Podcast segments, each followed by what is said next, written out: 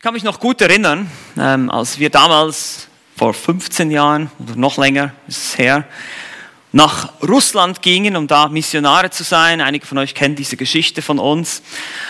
Und man hat uns den Rat gegeben, wir sollen äh, Dollar, also US-Dollar-Noten mitnehmen und sie erst da in Russland zu Rubel wechseln. Das hatte verschiedene Hintergründe, die ich jetzt nicht nennen will, aber es war einfach einfacher, so das Geld zu transportieren. Ähm, in Russland gab es damals noch nicht so viele Bankomaten und solche Sachen, äh, solche praktischen Dinge. Ich weiß auch nicht, wie es heute ist, ehrlich gesagt. Aber auf jeden Fall sollen wir diese 100-Dollar-Noten mitnehmen. Also bin ich ganz munter damals zur Schweizer Bank gegangen, habe mir ein, einige 100-Dollar-Noten eingepackt. Und als wir dann da waren in Russland, habe ich nicht schlecht gestaunt, dass ich feststellen musste, dass zwei dieser 100-Dollar-Noten tatsächlich Fälschungen waren. Das ist nicht gerade eine Werbung für die Schweizer Banken, ehrlich gesagt. Habe ich gedacht, aber das war eine große Enttäuschung. Stellt euch vor, ihr denkt, ihr habt 200 Dollar in den Händen und plötzlich merkt ihr, pff, das ist Papier, das ist nichts wert. Das ist eine große Enttäuschung. Und seit es Papiergeld gibt, gibt es Falschgeld. Das ist nichts Neues, das gibt es schon lange. Und immer wieder werden solche Blüten in Umlauf gebracht. Und wir dürfen das nicht unterschätzen. Wir nehmen das manchmal so ein bisschen und denken, ja, auch die 50er-Noten werden öfters hier durch Geräte durchgelassen und geprüft. Falschgeld ist ein Verbrechen. Es ist kein leichtes Verbrechen. Es wurde teilweise in der Geschichte der Menschheit sogar mit dem Tode bestraft, zu gewissen Zeitpunkten in der Geschichte. Also ein schweres Verbrechen, weil Falschgeld herzustellen ist nicht nur schädlich für die Wirtschaft, es ist auch Verrat. Es ist Verrat gegen die Regierung. Und wie das im Materiellen ist, leider ist es auch oft im Geistlichen so.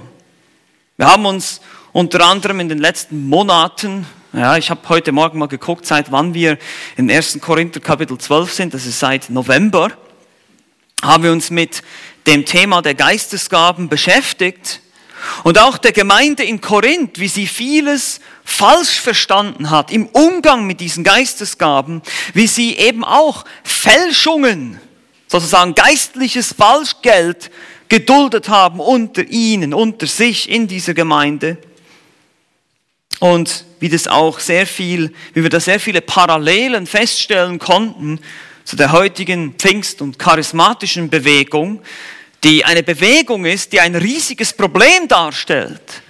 Es sind Irrlehren, es sind falsche Lehren, die Menschen durcheinander bringen. Es ist gefährlich und diese, diese Bewegung hat einen großen Einfluss auf die heutige Christenheit. Es gibt immer mehr auch Gelehrte, die sich diesen weiter existieren der Zeichen und Wundergaben, zum Beispiel das Sprachenreden, was meistens als Zungenreden bezeichnet wird und andere Dinge, Heilungen, Heilungsgaben öffnen. Und so ist es mir ein Anliegen, war es uns ein Anliegen, dass wir alle nicht unwissend sind, so wie es Paulus sagt in 1. Korinther 12, Vers 1, was die geistlichen Gaben betrifft, Brüder, will ich nicht, dass ihr unwissend seid. Wir sollen verstehen, wir sollen kritisch denken, wir sollen auf der Hut sein. Es ist nicht gut, unwissend zu sein. Also das heißt, wir haben uns sehr viel, eigentlich auch leider mussten wir uns sehr viel Negatives anschauen. So, dass man schon fast so ein bisschen Angst kriegt. Ja, man denkt, oh, es gibt so viel Schlechtes da draußen, so viele Irrlehrer, man kann ja kaum noch jemandem vertrauen und Vielleicht ist es sogar so, dass man so ein bisschen Angst kriegt vor dem Thema Heiliger Geist. Ja, wenn man dieses Wort in gewissen Kreisen sagt, ja, ich glaube, der Heilige Geist hat mir etwas deutlich gemacht. Und, uh, bist du charismatisch? Ja, es geht schon so die roten Flaggen hoch und so. Dabei sage ich, Moment, der Heilige Geist kann mir etwas klar machen durch sein Wort. Ja, wenn er mich überführt, mein Gewissen überführt, so spricht der Heilige Geist zu mir. Ganz praktisch und ganz deutlich. Weil es eben so viel Missbrauch gibt heute, kann es sein, dass wir fast so ein bisschen in eine Anti-Haltung gehen. So dieses Pendel, das so in die andere Richtung schwingt, von einem Extrem ins andere. Charismatiker haben uns den Heiligen Geist sauer gemacht, sage ich immer. Es ist irgendwo so ein Reizthema. Man muss richtig vorsichtig sein in, sag mal so, in typischen bibeltreuen, konservativen Kreisen, wenn man zu viel vom Heiligen Geist spricht und möglich noch zum Heiligen Geist betet und dann auch vielleicht sogar die Hände hochhält beim, beim Singen und vielleicht die Musik etwas beschwingter ist, sogar ein Schlagzeug dabei ist, uh, die sind charismatisch. Das hat überhaupt nichts damit zu tun. Weder das Schlagzeug noch das Händeheben, sonst was hat wirklich etwas mit den charismatischen Irrlehren zu tun. Ich weiß, dass diese Leute das zum Exzess praktizieren, das ist was anderes. Wir müssen vorsichtig sein, dass wir nicht sozusagen das Kind mit dem Badewasser ausschütten. Wir sollten keine Angst haben vor dem Heiligen Geist. Und die Charismatiker machen uns diesen Vorwurf, dass wir den Geist dämpfen, indem wir nicht mehr an das Weiterexistieren von eben Zungenreden glauben zum Beispiel, dass es das heute nicht mehr gibt oder dass andere Gaben, Heilungsgaben, nicht dass Gott nicht mehr heilt, das bestreiten wir nicht, das wird uns auch vorgeworfen, sondern dass es keine Gabe der Heilungen mehr gibt, dass es aufgehört hat, gewisse Zeichen und Wundergaben. Wir haben uns sehr ausführlich damit beschäftigt, ihr könnt euch die ganzen Predigten anhören, wenn ihr es noch nicht gehört habt. Aber dadurch kann es sein, dass wir uns sowieso in ein Schneckenloch zurückziehen, in so, ein, so, eine Burg, so eine sichere Burg und wir lassen da nichts rein und alles, was nur so ein bisschen riecht, nach charismatisch, da, dadurch geraten wir förmlich in Panik. Ich kann mich noch gut erinnern, als wir zum ersten Mal Sam hier hatten, der äh, mit dem Cajon angefangen hat zu spielen. Da gab es auch schon einige, oh, wie, welche Richtung gehen wir jetzt da? Richtung pfingstlich, charismatisch? Da kommen gleich solche Bemerkungen. Wir müssen ein bisschen vorsichtig sein. Und deshalb sage ich, es kann sein, dass wir tatsächlich den Heiligen Geist in gewisser Weise dämpfen, aus einer gewissen Panik heraus, in gewisser Angst. Wir wollen ja nicht charismatisch sein. Dass eben in konservativen Kreisen dieses Thema, der Heilige Geist, mehr oder weniger gemieden wird, dass man gar nicht drüber spricht, über den Geist Gottes. Und das wollen wir nicht tun. Wir wollen ganz klar anerkennen, der Heilige Geist ist Gott. Er ist genauso Gott wie der Sohn und der Vater. Christus ist Gott, der Sohn ist Gott, der Vater ist Gott, der Geist ist Gott. Und er ist genauso eine Person. Ihr könnt euch gerne die Theologiestunden anhören über Pneumatologie, die Lehre des Heiligen Geistes. Haben wir das alles schön abgedeckt. Könnt euch das alles schön anhören. Können wir jetzt nicht alles drauf eingehen, aber es ist wichtig zu verstehen. Der Heilige Geist ist eine Person. Er hat einen Willen. Man kann ihn betrüben. Man kann ihn erfreuen. Er fühlt. Er hat einen Verstand, er hat einen Willen. Er will etwas, er spricht zu uns. Der Heilige Geist wirkt unter uns, er verändert uns. Und deshalb möchte ich uns heute einfach ein bisschen helfen hier, weil wir eben schon so vieles jetzt Negatives auch betrachten mussten. Es ist nötig gewesen, es ist wichtig, dass wir aufklären über die falschen Lehren der charismatischen, pfingstlichen Bewegung. Aber wir müssen auch verstehen, was, wie wirkt denn der Geist? Wie sieht denn der Dienst des Heiligen Geistes heute aus unter uns? Wir können nicht nur immer über das sprechen, was negativ ist, was wir nicht wollen oder was falsch ist, sondern wir müssen auch verstehen, was richtig ist, was die Bibel tatsächlich lehrt. Und ich möchte mich nicht, so sehr auf die geistlichen Gaben konzentrieren. Das haben wir schon zur Genüge getan. Wir haben schon sehr ausführlich über die Gaben gesprochen in 1. Korinther Kapitel 12 und wir werden auch noch weiter über die Gaben sprechen über die Befähigungen, ich spreche jetzt hier von den persönlichen Befähigungen, wie zum Beispiel das, die Gabe des Glaubens oder eben auch die Gaben, die aufgehört haben, die Gnadengaben der Heilungen und solche Dinge, haben wir darüber gesprochen, sondern ich möchte mal generell über seine Dienste, über die Dienste des Heiligen Geistes sprechen, seine anderen Dienste, die dann oft so ein bisschen in den Hintergrund rücken, da man sich so sehr konzentriert in charismatischen Kreisen, hat man manchmal das Gefühl, das Einzige, was der Heilige Geist tut, ist Wunder wirken und Spektakel machen. Ja, da geht es immer darum, dass viel in Zungen geredet wird und viel Heilung geschieht und was weiß ich nicht alles und Wunder geschehen. Aber das ist noch lange nicht, das ist nur ein kleiner Teil dessen, was der Heilige Geist gewirkt hat im Laufe der Zeit, wenn wir die biblische Geschichte verfolgen. Und wir tun dem Heiligen Geist Unrecht. Im Gegenteil, wir dämpfen den Geist, wenn wir uns nur so sehr auf diese Zeichen und Wunder konzentrieren. Es sind im Gegenteil die Charismatiker, die den Geist dämpfen. Und es gibt Dinge, die der Geist tatsächlich wirken will unter uns heute. Und die werden leider oft in charismatischen Kreisen, ich spreche hier natürlich sehr allgemein, sehr allgemein, oft vernachlässigt. Dinge wie Heiligung zum Beispiel. Und so wollen wir uns heute drei essentielle Dienste des Heiligen Geistes anschauen. Das sind mehr so größere Bereiche. Man kann das so ein bisschen unterteilen, diese drei Dienste des Heiligen Geistes. Damit wir das einfach besser verstehen und ihn gebührend anbeten. Ja, genau. Wir beten auch den Heiligen Geist an, nicht nur Jesus und nicht nur den Vater, weil alle drei sind Gott. Alle drei verdienen, angebetet zu werden. Versteht ihr, das ist nicht irgendwie, der Heilige Geist ist nicht irgendwie so eine, unpersönliche Kraft, die in uns wirkt und nein, nein, das ist eine Person. Und klar, der Heilige Geist verherrlicht Christus und wir beten in der Kraft des Heiligen Geistes durch den Herrn Jesus Christus zum Vater. Das ist klar, das ist auch das biblische Muster. Aber trotzdem müssen wir uns auch mal mit dem Wirken des Heiligen Geistes beschäftigen, um das einerseits besser zu verstehen und auch besser wertzuschätzen. Eben nicht, dass wir uns immer nur auf das Falschgeld konzentrieren, sondern jetzt einmal das richtige Geld, in Anführungsstrichen die wahren geistlichen Kostbarkeiten anschauen, die der Heilige Geist in uns, durch uns und unter uns wirken will und wirken tut. Und das sind drei, diese drei, drei essentielle Dienstbereiche. Man kann drei Stichworte, wenn ihr das ein bisschen aufschreiben wollt, Offenbarung, Errettung und Heiligung kann das so ganz grob kategorisieren.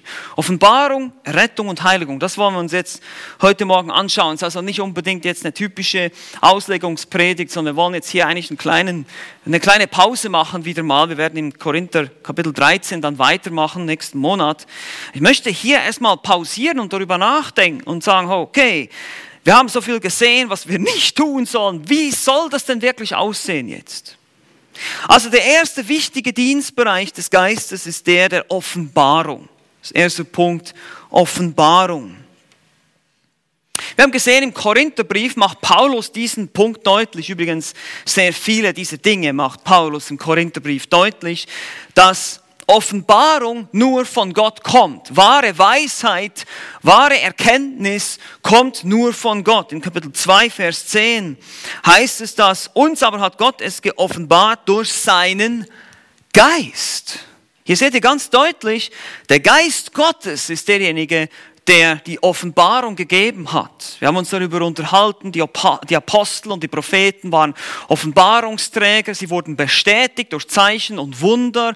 Und als das Zeitalter der Apostel und Propheten aufgehört hat, haben auch die Zeichen und Wunder aufgehört und die Lehrer und Hirtenlehrer haben das sozusagen diesen Stab, diesen Staffelstab übernommen und haben das weitergeführt. Aber diese Offenbarung wurde durch den Geist gegeben. Und deshalb sehen wir den Dienst des Heiligen Geistes in Offenbarung in dreifacher Weise. Wir haben prinzipiell jetzt drei Unterpunkte hier unter Offenbarung. Wenn ihr Notizen macht, was ich euch herzlich immer wieder ans Herz lege, macht euch Notizen. Der Geist wirkt einerseits durch Inspiration. Er wirkte, Vergangenheitsform, durch Inspiration. 2. Petrus 1, Vers 20, keine Weissagung der Schrift, ist von eigener Auslegung denn die Weissagung wurde niemals durch den Willen des Menschen hervorgebracht, sondern heilige Menschen Gottes redeten getrieben vom Heiligen Geist. Also diese Auslegung hier ist etwas, was hervorgebracht wurde. Und er sagt, es ist nicht eben aus dem menschlichen Willen, das hat sich nicht jemand irgendwie aus dem Finger gesaugt, diese Dinge, sondern es haben heilige Menschen Gottes wurden getrieben, wie ein Segel im Wind ist hier die Idee dieses Verbs. Sie wurden getrieben wie ein Segel im Wind und haben diese Dinge niedergeschrieben geschrieben. Heiliger Geist hat inspiriert. 2. Timotheus 3,16 heißt es dann auch, dass die Schrift wörtlich Gott gehaucht ist. Sie wurde ausgehaucht durch den Geist. Der Geist Gottes hat überwacht. Er hat sozusagen das überwacht, was niedergeschrieben wurde, sodass genau das niedergeschrieben wurde, was er wollte. Deshalb heißt es, alle Schrift ist von Gott eingegeben. Der Geist spricht durch sein Wort, die Schrift. Der Geist wird also nie etwas sagen, was nicht die Schrift auch sagt. Der Geist wird auch nie etwas sagen, was über die Schrift hinausgeht. 1. Korinther Kapitel 4, Vers 6 sehen wir das. Wir sollen nicht über das hinausdenken, was die Schrift sagt, macht Paulus auch deutlich. Und auch heute deshalb spricht der Geist nur und ausschließlich durch sein geschriebenes Wort. Er hat sich festgelegt. Sein Ratschluss ist komplett. Die Offenbarung ist abgeschlossen. Das ist der erste Teil. Inspiration. Er gab die Schrift. Das ist in der Vergangenheit. Das tut er heute nicht mehr. Aber jetzt gibt es einen zweiten Bereich dieser, dieses Dienstes der Offenbarung, wie der Geist an uns wirkt, jetzt auch heute. Und das ist, der Geist wirkt durch Erleuchtung. hat jetzt erstmal Inspiration, er wirkte durch Inspiration, er wirkt durch Erleuchtung. Und dazu können wir auch wieder im Korintherbrief, 1. Korinther Kapitel 2 aufschlagen, wo es heißt in Vers 14, der natürliche Mensch aber nimmt nicht an, was des Geistes Gottes ist, denn es ist ihm eine Torheit und er kann es nicht erkennen, weil es geistlich beurteilt wird. Der geistliche Mensch wird hier impliziert, aber beurteilt alles. Er selbst aber wird von niemandem beurteilt. Denn wer hat den Sinn des Herrn erkannt, der ihn unterweise? Wir aber haben Christi Sinn. Durch den Geist Gottes haben wir das Verständnis. Unser Verstand war von Natur aus nicht fähig zu verstehen, was der Geist Gottes sagt. Selbst wenn wir hier die Bibel vor uns haben, es gibt sehr viele Menschen, die die Bibel studieren. Es gibt Theologen. Es gab damals, zur damaligen Zeit, Pharisäer und Sadduzäer. Die haben die Bibel nicht verstanden. Nicht so, dass sie sie richtig im Herzen verstanden haben und anwenden konnten. Und deshalb musste Jesus Nikodemus kritisieren und sagen, du bist der Lehrer Israels und verstehst das nicht. Du, der du größere Abschnitte der Schrift auswendig aufsagen kannst. Diese Leute verstanden es trotzdem nicht, weil der Heilige Geist muss unseren Verstand erleuchten, damit wir das überhaupt verstehen können. Niemand kann glauben und verstehen ohne die Hilfe des Geistes. Jedes Mal, wenn du die Bibel liest und es verstehst und es umsetzt, erlebst du das Wirken des Heiligen Geistes in vollem Maße.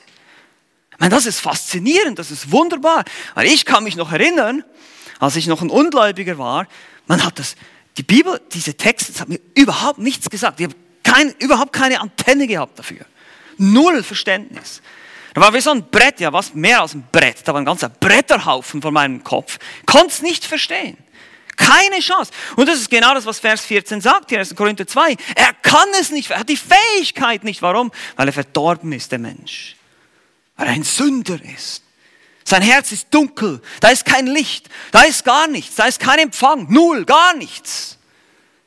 Keine Möglichkeit. Und der Heilige Geist hilft uns, erleuchtet unseren Verstand, er ist wie ein interner Lehrer für uns. Wenn wir die Schrift lesen, 1. Johannes 2,27.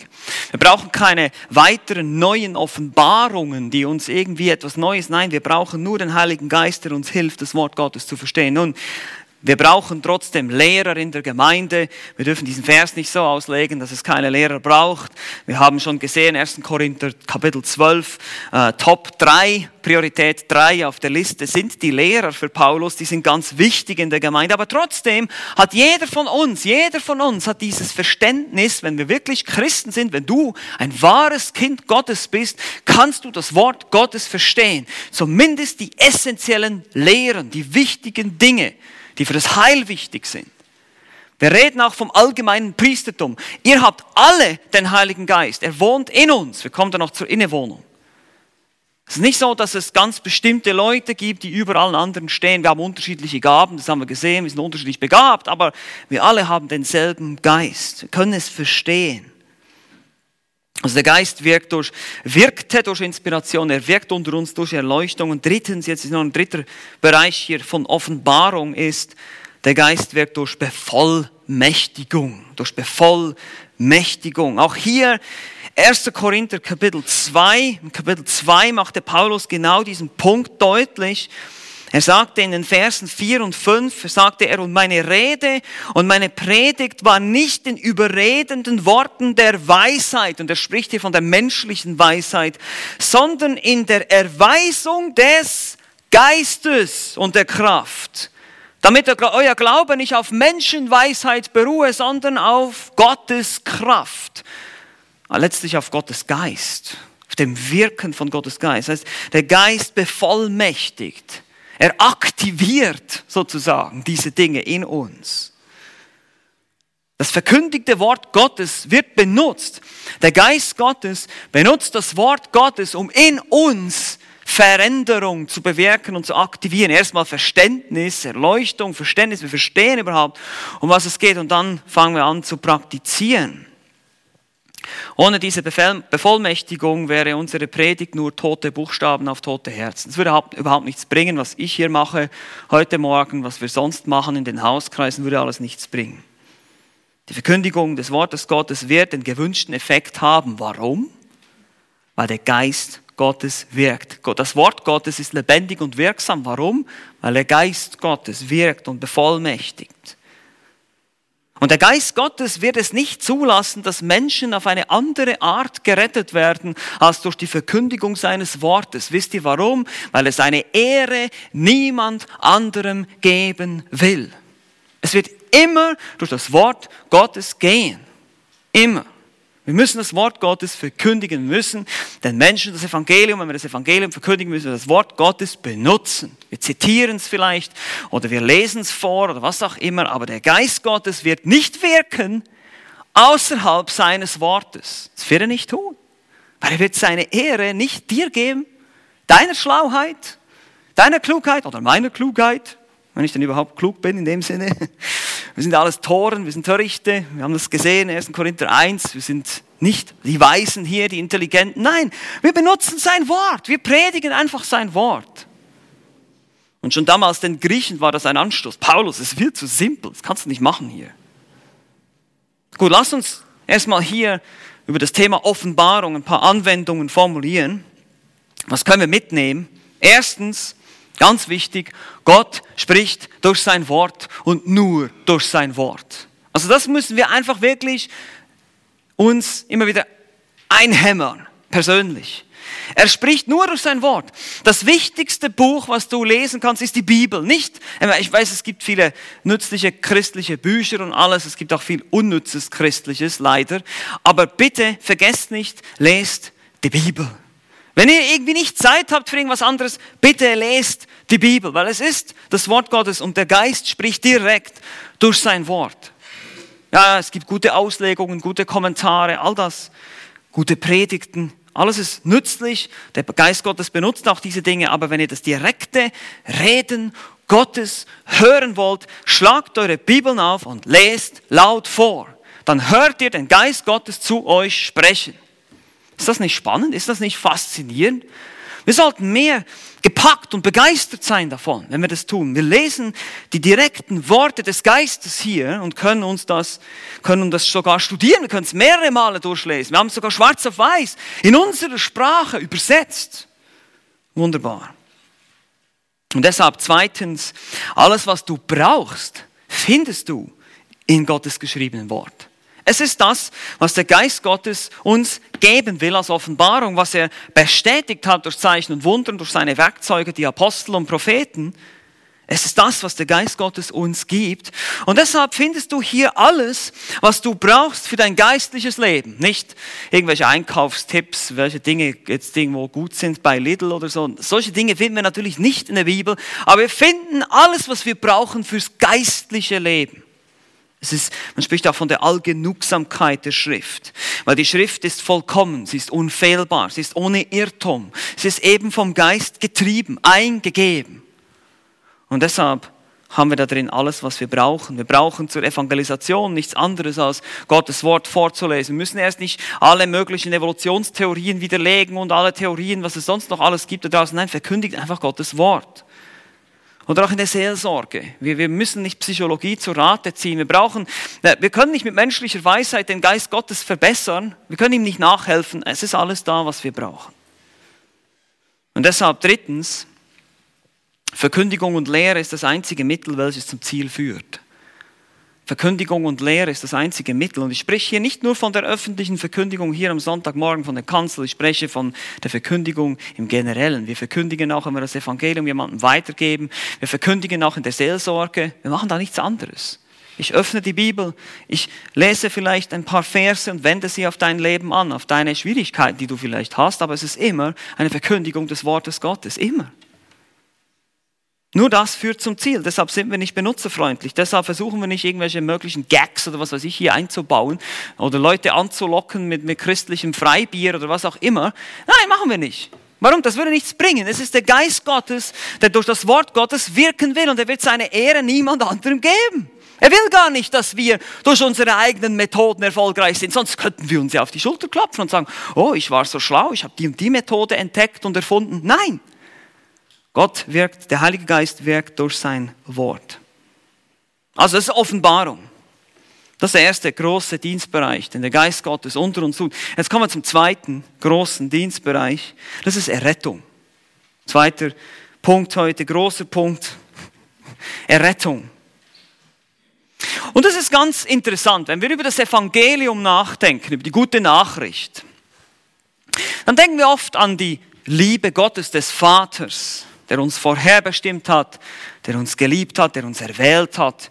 Wir denken an Jesus Christus, der am Kreuz für uns gestorben ist, der seine, unsere Sünde auf sich genommen hat und seine Gerechtigkeit schenkt. Und das sind alles ganz, ganz wichtige und essentielle Wahrheiten, die auf jeden Fall nicht fehlen dürfen in der Evangeliumsverkündigung oder auch wenn wir über das Evangelium, über unsere Errettung nachdenken. Wir danken dem Herrn Jesus, dass er gekreuzigt wurde, dass er das auf sich genommen hat. Wir danken dem Vater für seine Liebe. Aber was ist mit dem Geist? Was ist mit dem Heiligen Geist? Wir singen vom Vater, wir singen vom Sohn, aber was ist mit dem, mit dem Heiligen Geist? Und der Heilige Geist ist auch eine Person und er spielt ebenfalls eine enorm wichtige Rolle in unserer Rettung. Wir haben es teilweise schon so ein bisschen gesehen, als wir über Inspiration oder nee, über Erleuchtung gesprochen haben. Und hier haben wir jetzt sozusagen sechs Unterpunkte, die wir ganz kurz durchgehen wollen beim Thema Errettung, was der Geist tut. Was tut der Geist unter uns? Erstens, der Heilige Geist überführt. Er überführt von Sünde. Johannes 16, Vers 8, wenn er gekommen ist, Jesus spricht hier vom Geist, und wenn er gekommen ist, hier auch er, seine Person, wird er die Welt überführen von Sünde, von Gerechtigkeit und von Gericht. Er überführt von Sünde, er überführt. Er zeigt uns überhaupt, wer wir sind. Er überführt von Gerechtigkeit. Er zeigt uns, welchen gerechten Standard Gott hat. Hier ist der Standard Gottes. Und hier ganz da unten im zweiten Untergeschoss, da bist du, da bin ich, da bin ich. Wir kommen nicht ran an diesen heiligen Standard. Er, gibt, er überführt uns von Gerechtigkeit und er überführt uns von Gericht. Es kommt ein ewiges Gericht auf euch zu, auf uns zu. Ist uns das bewusst? Der Heilige Geist macht uns das bewusst. In dem Moment, wo du gerettet wurdest und du diese Dinge verstanden hast, ich kann mich noch erinnern an meine Bekehrung, das war genau so, ich habe die Sprüche gelesen und plötzlich war es wie wenn jemand das Licht einschaltet. Plötzlich fiel es mir wie Schuppen von den Augen. Ich weiß nicht, jeder hat so ein Erlebnis gehabt. Das ist auch nicht schlimm, das ist auch nicht notwendig, um gerettet zu sein. Das kann auch ganz langsam, langsamer Prozess sein. Aber trotzdem diese Erkenntnis, ich bin ein Sünder. Ich habe Gottes Gebote gebrochen. Ich sehe Gottes heiligen Standard und ich sehe mein Leben hier und ich merke, oh, oh, oh, das, das kommt nicht gut, wenn das zusammentrifft. Wenn das der Standard ist, nach dem ich gerichtet werde, dann gute Nacht. Dann kann ich es vergessen. Das ist das Gericht, von dem er uns überführt. Er gibt uns Erkenntnis der Sünde. Also er überführt. Dann zweiter Unterpunkt unter dem Thema Rettung. Der Heilige Geist überführt nicht nur, er bewirkt die Wiedergeburt. Er bewirkt die Wiedergeburt. In Titus Kapitel 3, Verse 4 bis 5 spricht Paulus von der Wiedergeburt und der Erneuerung des Heiligen Geistes. Steht das ganz deutlich, die Wiedergeburt, wir wurden gerettet. Und da heißt es, nicht durch Werke, die wir getan hätten, sondern nach seiner Barmherzigkeit, durch die Waschung der Wiedergeburt, durch die Erneuerung des Heiligen Geistes. Ganz klar der Heilige Geist, der das bewirkt. Wir haben es schon gesehen, wir haben ein verdorbenes Herz. Es ist dunkel. Da ist kein Licht in uns, da ist kein Verständnis, keine geistliche Antenne und der Geist schaltet das Licht ein gewissermaßen. Und so, so, musste Jesus sogar zu Nikodemus, dem Gelehrten Israels, sagen, du musst von neuem geboren werden. Das ist nicht etwas, was du bewirken kannst. Das ist eine Wiedergeburt. Ich meine, deine natürliche Geburt, dass du auf diese Welt gekommen bist, was hast du dazu beigetragen, dass du auf diese Welt gekommen bist? Antwort, Nichts. Es war deine Mama, die die ganze Arbeit hatte. Und der Herr natürlich. Also ist es auch bei uns, bei der geistlichen Wiedergeburt. Das ist nichts anderes. Der Geist Gottes wirkt das. Und nur dann, wenn ich dieses neue Herz habe, bin ich fähig, Gott zu lieben und zu gehorchen. Der Heilige Geist bewirkt daher nicht nur die Wiedergeburt, diese Erneuerung, sondern auch drittens die Buße. Er bewirkt Buße in meinem Herzen. In Apostelgeschichte 11, 18b, also der zweiten Hälfte des Verses heißt es, also hat Gott auch den Nationen die Buße gegeben zum Leben. Seht ihr das? Die Buße wurde geschenkt Oder auch Philipper 1,29 sagt dasselbe, sie wurde geschenkt. Buße und Glaube sind Geschenke, sind Folge der Wiedergeburt. Wir, wir werden im Inneren erneuert durch dieses wunderbare Werk, das übrigens auch ein absolut faszinierendes Wunder ist. Wenn ein Sünder, der tot ist in Übertretungen und Sünder, der blind ist, der eben diesen ganzen Scheiterhaufen vor dem Kopf hat und nichts sehen kann, plötzlich umkehrt und an Christus glaubt Jemand wie ich, der die Christen verachtet hat und der überhaupt das genaue Gegenteil war von dem, was man als Christ bezeichnet wurde, umkehrt und sich verändert, das ist ein Wunder. Das ist ein Wunder. Viel das größere Wunder, als wenn jemand, von, wenn jemand ein Fuß irgendwie geheilt wird oder von seinen Hämorrhoiden oder was weiß ich auch immer. Die Frucht, das Resultat ist hier die Buße, die Umkehr. Die Buße ist Umkehr. Also das, was das Wort eigentlich bedeutet, ist eigentlich Umdenken. Wir, wir kehren um. Wir vollbringen eine 180 Grad Wendung von den Götzen, von der Sünde, vom Bösen hinweg zum Guten. Das wirkt der Geist in dir. Hast du das Gefühl, das kommt von dir? Hast du das Gefühl, du bist so gut? Das ist ein toller Typ? Nein, sind wir nicht. Das ist, das ist das Wirken des Geistes. Da hast du und erlebst du immer wieder, jedes Mal, wenn du Buße tust, wenn du umkehrst von einer Sünde, erlebst du das direkte Wirken des Heiligen Geistes in deinem Leben. Und deshalb viertens, ganz wichtig auch, der Heilige Geist befähigt deshalb zur Gemeinschaft mit Gott. Das Wort Gemeinschaft in Römer 8, 15 heißt es, denn ihr habt nicht einen Geist der Knechtschaft empfangen, wiederum zur Furcht, sondern einen Geist der Sohnschaft habt ihr empfangen, indem wir rufen, aber Vater. Es ist der Geist, der wirkt, dass ich ein Kind Gottes bin, dass ich zu einer neuen Familie gehöre, dass ich Anteil habe. Das ist die Idee von Gemeinschaft, von dem Wort Gemeinschaft im Griechischen Anteil haben. Ich habe Anteil an den Segnungen und wir haben auch Anteil aneinander. Wir haben dadurch freien Zugang zu Gott dem Vater. Wir haben dieses Recht oder diese Befähigung zur Gemeinschaft. Fünftens, der Heilige Geist wohnt in uns. Das ist ein weiterer Wirkungsbereich. Also er gibt uns nicht nur diese Möglichkeit Gemeinschaft, sondern er wohnt selber in uns. Römer 8, Vers 9. Und das haben wir ausführlich angeschaut als wir 1. Korinther 12, 13 uns angeschaut haben. Wir wurden getränkt mit dem Geist. Er ist in uns eingedrungen wie das Wasser. Und wir, haben, wir reden von der Innewohnung des Geistes, die uns Trost und Hoffnung gibt. Und deshalb, sechster Unterpunkt, der Heilige Geist versiegelt uns.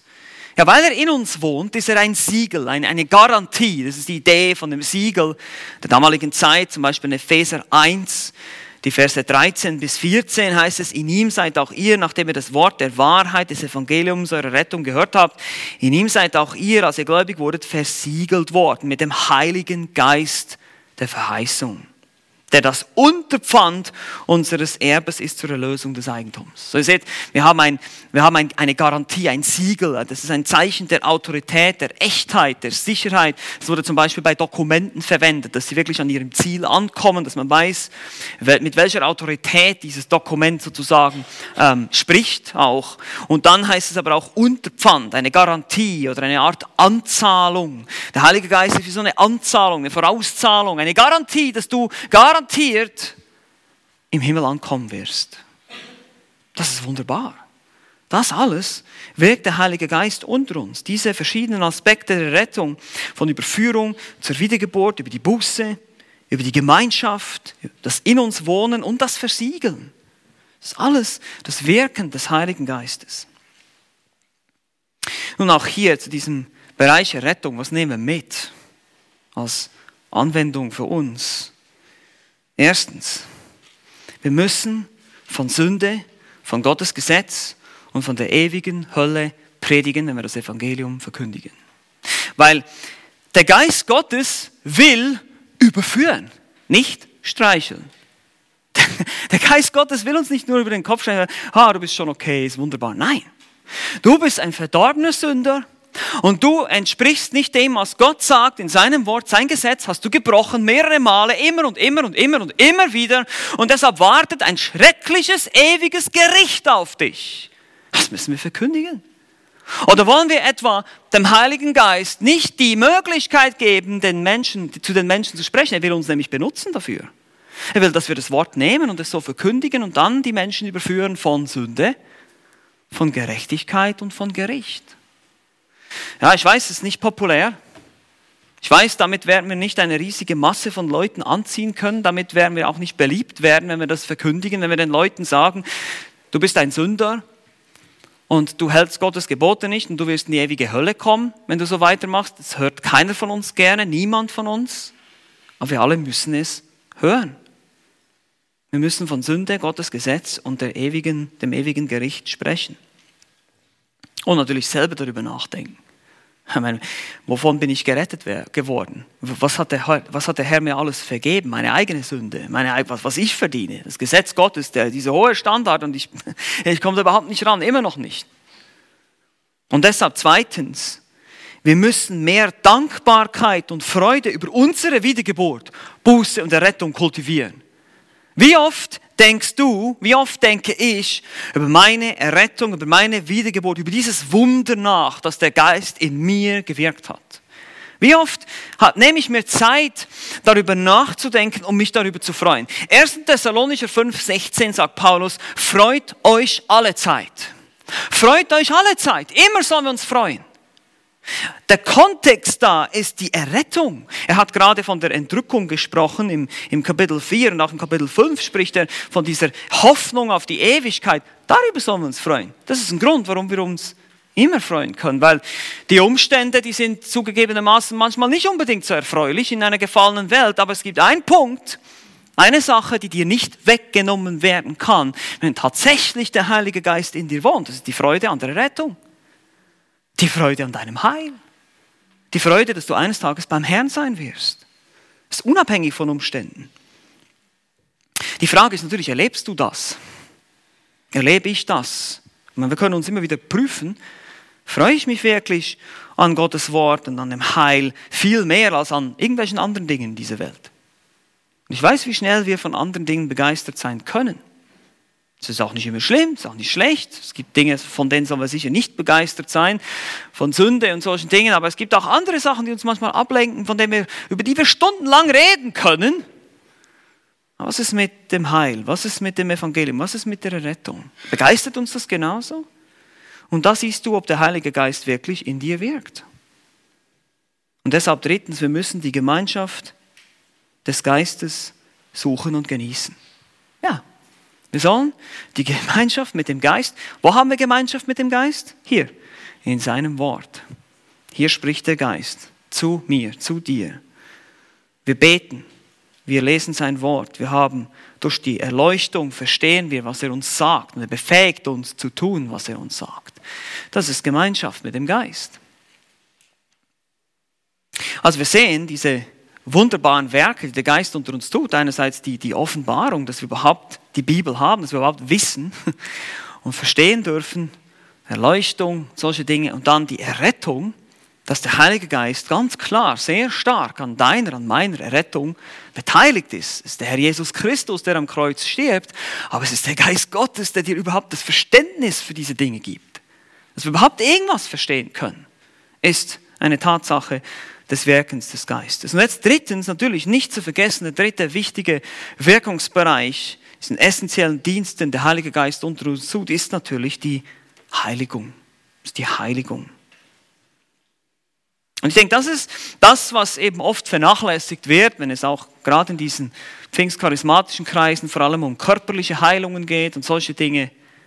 Wo ist die Heiligung? Ich meine, der Heilige Geist heißt Heiliger Geist. Ich denke nicht umsonst, weil er uns heiligen will. Nun, was bedeutet heiligen? Heiligen bedeutet absondern von Sünde, absondern vom Bösen. Das ist sein Ziel. Er möchte, dass wir heilig leben. Und das Spannende, wenn es um die Heiligung geht, ist, dass wir Christen zu einem eigenartigen Phänomen von zwei Extremen neigen. Ja, es gibt diese zwei Extreme, die finden wir auch in der Bibel, natürlich. Entweder meinen wir, wir müssen das Werk, das der Geist Gottes in uns angefangen hat, selber vollenden. Das ist Gesetzlichkeit. Wir versuchen dann plötzlich irgendwelche Werke zu tun. Wir denken, wir werden dann besonders fromm, wenn wir noch irgendwelche Extragesetze erfinden und die dann auch noch einhalten. Das ist Gesetzlichkeit. Wir denken, dadurch können wir uns irgendwie Punkte verdienen bei Gott. Das ist ein Extrem, das ist ein Phänomen, was wir sehen können, auch in der heutigen Christenheit, was wir auch sehen können, wenn ihr zum Beispiel den Galaterbrief mal lest. Und das andere Extrem ist, weil wir dann durch den Heiligen Geist gerettet werden, denken wir, es geht dann alles wie von selbst. Ich muss überhaupt nicht, es ist ja alles Gnade. Und das führt dann in den sogenannten Libertinismus oder auch Antinomianismus, also dass es kein Gesetz gibt. Es gibt keine Vor es geht einfach alles wie von selbst und ja, der Geist muss ja alles wirken, ich kann ja nichts tun, heißt es dann immer, ist ja alles Gnade. Das ist das andere Extrem. Und meine Lieben, beides ist falsch. Beides ist, ist total verkehrt. Das eine wie das andere. Beides ist genauso sündig. Der eine sündigt ganz offensichtlich, der andere sündigt, weil er stolz ist und denkt, er ist besser als alle anderen, wenn er vielleicht keinen Kaffee trinkt oder was weiß ich auch immer. Aber, aber das sind das ist, ja, das ist nicht zu unterschätzen, solche Dinge. Und deshalb geht, gibt uns hier die Schrift auch Anweisungen. Was, wie sieht denn der Weg dieser Heiligung aus? Wie sieht das ganz praktisch aus? In dreifacher Weise möchte ich das wieder so ein bisschen aufsplitten hier, auf entfalten, diese Heiligung. Erstens, was uns gesagt wird, ist, wir sollen erfüllt sein vom Heiligen Geist. Das ist das Erste. Epheser 5, 18, wir haben diesen Vers auch schon angeschaut zusammen. Berauscht euch nicht mit Wein, worin Ausschweifung ist, sondern werdet mit dem Geist erfüllt. Sollte also nicht unter die Kontrolle des Weins, des Alkohols kommen. Hier geht es um Berauschtsein, wohlverstanden, nicht um einmal ein Gläschen Wein zu trinken, das ist keine Sünde, sondern es geht hier um das Berauschtsein, das Betrunkensein. Ich war jetzt gerade in Italien und merkt das vielleicht. Ähm, und wir sollen vom Geist erfüllt sein, das heißt, wir sollen unter die Kontrolle des Geistes kommen. Es ist also nicht passiv. Es heißt, ihr werdet erfüllt. Das ist eine Aufforderung, Befehl. Tut das. Werdet erfüllt. Das ist eine Aufforderung. Es ist nicht irgendwie etwas, wo ich mich da zurücklehnen kann im Liegestuhl, sondern etwas, was ich tun soll. Und doch ist es etwas, was an mir wirkt. Ich werde erfüllt. Ich setze mich gewissermaßen etwas aus, eine Wirkung. Es ist ein Präsenzimperativ, ist auch ganz wichtig, es ist eine andauernde Handlung. Es ist etwas, was du immer und immer und immer wieder tun musst dieses erfüllt werden. Es ist nicht ein einmaliges Erlebnis. Wir haben gesehen, die Taufe des Heiligen Geistes in 1. Korinther 12, 13 ist nicht dasselbe wie das Erfülltsein mit dem Geisten, was, was natürlich in charismatischen Kreisen total durcheinander gebracht wird, leider. Hier geht es, in der Taufe des Geistes geht es um unsere Rettung. Wir werden ein für alle Mal in den Leib hinein, den Leib Christi hinein getauft. Hier geht es um unsere Heiligung, das Erfülltsein. Wir sind immer wieder erfüllt und wir haben gesehen, die parallele Epistel vom Epheserbrief, Kolosserbrief, heißt es dasselbe von dem Wort Christi. Wir sollen das Wort Christi reichlich in uns wohnen lassen. Also wir haben gesehen, Geist erfüllt bedeutet nichts anderes als Wort erfüllt. Das ist eigentlich dasselbe. Wir haben das schon festgestellt. Der Geist Gottes spricht nur durch das Wort Gottes. Wenn du vom Geist erfüllt sein willst, musst du vom Wort erfüllt sein. Wir kommen wieder zurück zum Bibellesen den ganz einfachen Dingen des christlichen Lebens. Erfüllt sein bedeutet aber mehr als nur zu lesen, sondern es bedeutet eben unter der Kontrolle dieses Wortes, dem Einfluss dieses Wortes zu leben. Das ist etwas anderes. Du kannst sehr viel Bibel lesen und sehr viel Wissen haben. Die Frage ist, beeinflusst es dich auch? Beeinflusst es dein Denken, dein Leben? Hat die Bibel einen Einfluss, wie du deinen Alltag siehst? Dein tägliches Ein und Aus. Wenn du morgens aufstehst, wenn du deine Zähne putzt, siehst du diese Dinge anders durch den Filter des Wortes Gottes oder einfach nur, das ist einfach ganz unbedeutendes Zeug. Nein. Alle diese Dinge sind Gottes Gnade, sind, dass ich überhaupt gesund bin, dass ich, dass ich einen gesunden Körper habe, aufstehen kann, meine Zähne putzen kann. Das ist ein Zeichen der Gnade Gottes. Das ist eine ganz andere Perspektive des Lebens. Anstatt wenn du aufstehst und diese halbmüden, äh, diese Einstellung hast, dann denkst du nur an dich. Du siehst es überhaupt nicht aus dem Blickwinkel des Wortes Gottes. Und dann werden natürlich Dinge geschehen. Ähm, wir wurden jetzt in, in Italien, wurde uns die Scheibe eingeschlagen beim Auto, es wurde uns der ganze Rucksack von Bea wurde geklaut. Wie reagiere ich darauf? Das ist Gottes Wille gewesen. Klar, war Gottes Plan, ja. Hätte Gott es verhindern können? Klar, hat er es verhindert. Nein, hat er nicht. Warum? Was kann ich lernen? Wie reagiere ich jetzt? Wie sehe ich, wie sehe ich, aus welcher Perspektive will ich diese Situation jetzt beurteilen? Will ich mich jetzt aufregen und, hey, und warum und jetzt müssen wir hier und da, da, da, da? Oder will ich sagen, nein, es war, es war Gottes Plan für mich. Es, es soll mir geistlich weiterhelfen.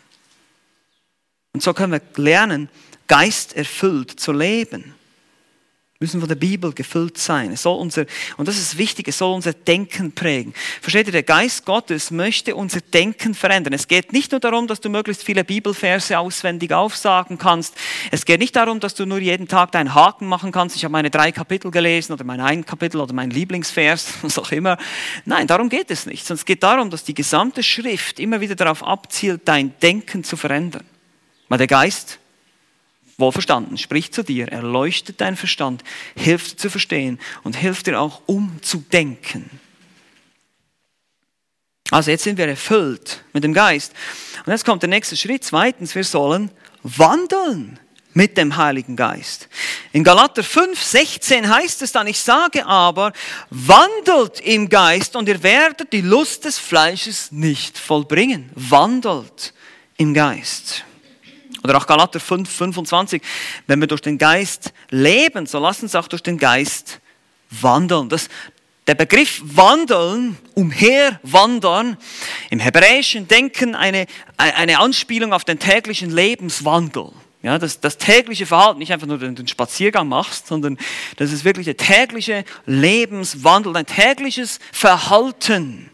Lass uns Schritt für Schritt mit dem Geist wandeln. Das ist ein Schritt für Schritt, Gedanke für Gedanke, Entscheidung für Entscheidung, ein Wandeln mit dem Geist. Beeinflusst durch das Wort Gottes. Jede kleine Entscheidung wird immer wieder beeinflusst von dem biblischen Denken. Das ist die Art und Weise, wie der Geist dich leitet. Langsam, vorsichtig durch den Tag gehen, jede Reaktion, jede Aktion, jede Minute dem Geist unterordnen. Ihr seht schon, das machen wir natürlich nicht immer, leider, aber das ist, darauf wollen wir hinarbeiten. Wir wollen das zur Gewohnheit entwickeln lassen. Wir wollen den Geist um Hilfe bitten, bevor wir das Wort Gottes lesen, damit wir es verstehen. Sonst verfallen wir entweder der Gesetzlichkeit oder der Sünde oder beidem meistens. Eben diese beiden Extreme, wir rutschen dann sozusagen auf der einen oder auf der anderen Seite vom Pferd. Wir werden entweder gesetzlich oder wir werden total, alles ist Gnade, aber wir wollen den Weg gehen, den der Geist uns gibt. Und dann kommt noch dazu, dass der Geist dich in die Gemeinde gestellt hat, wo er Geschwister um dich herum gestellt hat, die, durch die er auch wirkt und der dir hilft zu wachsen.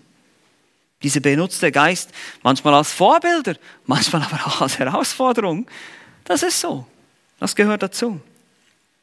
Und wir haben gesehen, auch in Epheser 4, der Geist hat der Gemeinde Hirten und Lehrer gegeben, die die Gemeinde zurüsten. Auch das ist ein Wirken des Geistes. Also wir wollen lernen, Schritt für Schritt, Gedanke um Gedanke mit dem Geist zu wandeln, unsere täglichen Gewohnheiten so zu formen. Und deshalb drittens werden wir dann umgeformt durch den Heiligen Geist. Wir haben angefangen mit, ähm, mit dem Erfülltsein, dann kommen wir zum Wandeln und jetzt umgeformt werden. 2. Korinther 3, Vers 18, wir alle aber mit aufgedecktem Angesicht die Herrlichkeit des Herrn anschauend werden verwandelt nach demselben Bild von Herrlichkeit zu Herrlichkeit als durch den Herrn den Geist. Der Geist bewirkt das. Wir schauen durch den Geist auf den Herrn. Klar, Christus, wir finden Christus in seinem Wort hier, aber der Geist Gottes verherrlicht Christus, er macht uns Christus groß. Wir betrachten Christus immer wieder und wir werden gewissermaßen, was wir betrachten. Das ist das Ziel, Christus Ähnlichkeit. Je mehr du dich auf Christus konzentrierst, und das ist da, wo der Geist Christus verherrlicht, immer wieder auf Christus hinweist, seine Eigenschaften und uns Christus ähnlicher machen will. Wir werden, was wir uns beständig anschauen. Und hier kommt die Herausforderung. Was schaue ich mir beständig an? Wenn ich mich natürlich ständig mit weltlichem Müll beschäftige, dann muss ich nicht erwarten, dass ich irgendwie Veränderung erlebe. Das ist unmöglich. Weil du wirst, was du, dich, was du dir anschaust die ganze Zeit. Das heißt, in Gedanken nach, worüber du ständig nachdenkst. Mir ist auch klar, dass wir nicht den ganzen Tag immer ständig nur Bibel lesen können. Das ist mir auch klar. Aber die Frage ist, Wo gehen deine Gedanken hin, wenn du dieses Buch geschlossen hast und in dein Auto steigst oder in die, in die Tram? Wo gehen deine Gedanken dann hin? Sind sie immer noch da oder sind sie irgendwo anders? Und das ist oft unser Problem. Sie sind eben schnell woanders, weil wir werden natürlich schnell abgelenkt. Es gibt heute tausende von Möglichkeiten, wie wir uns ablenken können. Sehr viele Bilder, Nachrichten, Sport, Instagram, Facebook, Hobbys, was auch immer. Aber es ist Ablenkung. Und es ist vielleicht nicht immer alles schlecht, was ich mir anschaue. Man muss ja mal Nachrichten gucken, man will ja mal ein bisschen informiert sein, aber äh, konzentriert man sich dann ständig darauf oder die Sportresultate, was auch immer? Nein, wenn ich Veränderung, das ist ganz wichtig, wenn ich Veränderung erleben möchte, dann muss ich mich auf das konzentrieren, was mich verändert. Dann muss ich mich auf Christus konzentrieren, mittels des Geistes, der in mir diese Dinge aktiviert, je mehr ich das Wort Gottes lese. Wisst ihr was? Jedes Mal, wenn ihr das Wort Gottes aufschlagt und irgendwo lest, werdet ihr garantiert überführt. Ihr werdet irgendwas finden, wo ihr denkt, oh, au, Backe uh, das ist jetzt, stimmt, ja, eben, äh, kein faules Wort. Oh, wie oft habe ich in letzter Zeit schon wieder mir irgendwelche Ausdrücke erlaubt oder was auch immer, wo ich dann wieder merke, Buße tun muss. Und je mehr du dich dem aussetzt, desto mehr wird es dein Denken beeinflussen. Und so wirst du vom Geist geleitet, so wie Christus uns das vorgemacht hat. Also hier auch noch in diesem Bereich Heiligung einfach ein paar, paar Anwendungen, ein paar Dinge, die wir, ein paar Gedanken, die wir mitnehmen können. Erstens, der Kampf um deine Heiligung beginnt in Gedanken. Ja, wir müssen immer wieder uns fragen, was erfüllt mich? Was erfüllt dich? Was ist dein erster Gedanke am Morgen, wenn du aufstehst? Nimmst du gleich dein Handy und guckst drauf und schaust dir irgendwas an? Das ist etwas vom Schlimmsten. Musste ich mir auch abgewöhnen, leider. Dann konzentriert man sich schon mal auf irgendwas anderes oder nimmst du erstmal die Bibel zur Hand und fängst an zu lesen. Was erfüllt dich? Worüber denkst du den ganzen Tag nach? Was beschäftigt dich? Ja nicht nur das, was du morgen in der ersten Sekunde machst, sondern all diese Dinge. Was, was beeinflusst dich denn ganz? Prüf das mal. Guck dir mal dein Umfeld an. Gibt es irgendwelche Dinge, die dich in eine bestimmte Richtung ziehen, wo du eigentlich weißt, es ist unmoralisch oder es ist verkehrt oder es ist was auch immer? Dann wundere dich nicht, wenn es mit der Heiligung nicht klappt. Wundere dich nicht. Wundere dich nicht. Es gibt keinen Trick. Es gibt kein magisches Erlebnis, keine Instant-Heiligung. Pulver, Wasser, fertig. Gibt es nicht. Gibt es nicht. Sondern es ist dieses konsequente Ändern deines Denkens Schritt für Schritt, Entscheidung für Entscheidung, jeden Tag, Wandel ganz eng auf Tuchfühlung mit dem Geist Gottes. In seinem Wort. Das ist das Geheimnis. Und deshalb zweitens, das Geheimnis deiner Heiligung liegt in täglichen kleinen Entscheidungen. Es sind nicht die großen Dinge im Leben. Es sind oft die ganz kleinen, scheinbar unbedeutenden Entscheidungen, die wir treffen. Auch wenn es nur eine Entscheidung ist, einem falschen Gedanken nachzugehen. Ah, ich kann das einfach nicht. Ich schaffe das einfach nicht. Falsch! Warum glaubst du das? Wem glaubst du da? Dem Wort oder dein Gefühl? Ist, es sind so kleine Dinge im Leben. Und ich meine, erlebt, ich, meine, ich erlebe das genauso wie ihr. Ihr müsst nicht denken, ich, ich spreche hier aus Erfahrung. Okay? Wie oft denke ich, oh, ich, ich sage es jetzt nicht. Was habe ich jetzt wieder gedacht? Falsch, das ist nicht wahr. Aber genau diese kleinen Entscheidungen, jeden Tag, kleine Dinge, wir müssen lernen, gesund zu denken. Aus gesundem Denken kommt gesundes Handeln. Aus gesundem Handeln werden gesunde Gewohnheiten. Lasst uns das, lasst uns das, das ist so, wie wir mit dem Geist Gottes wandeln jeden Tag.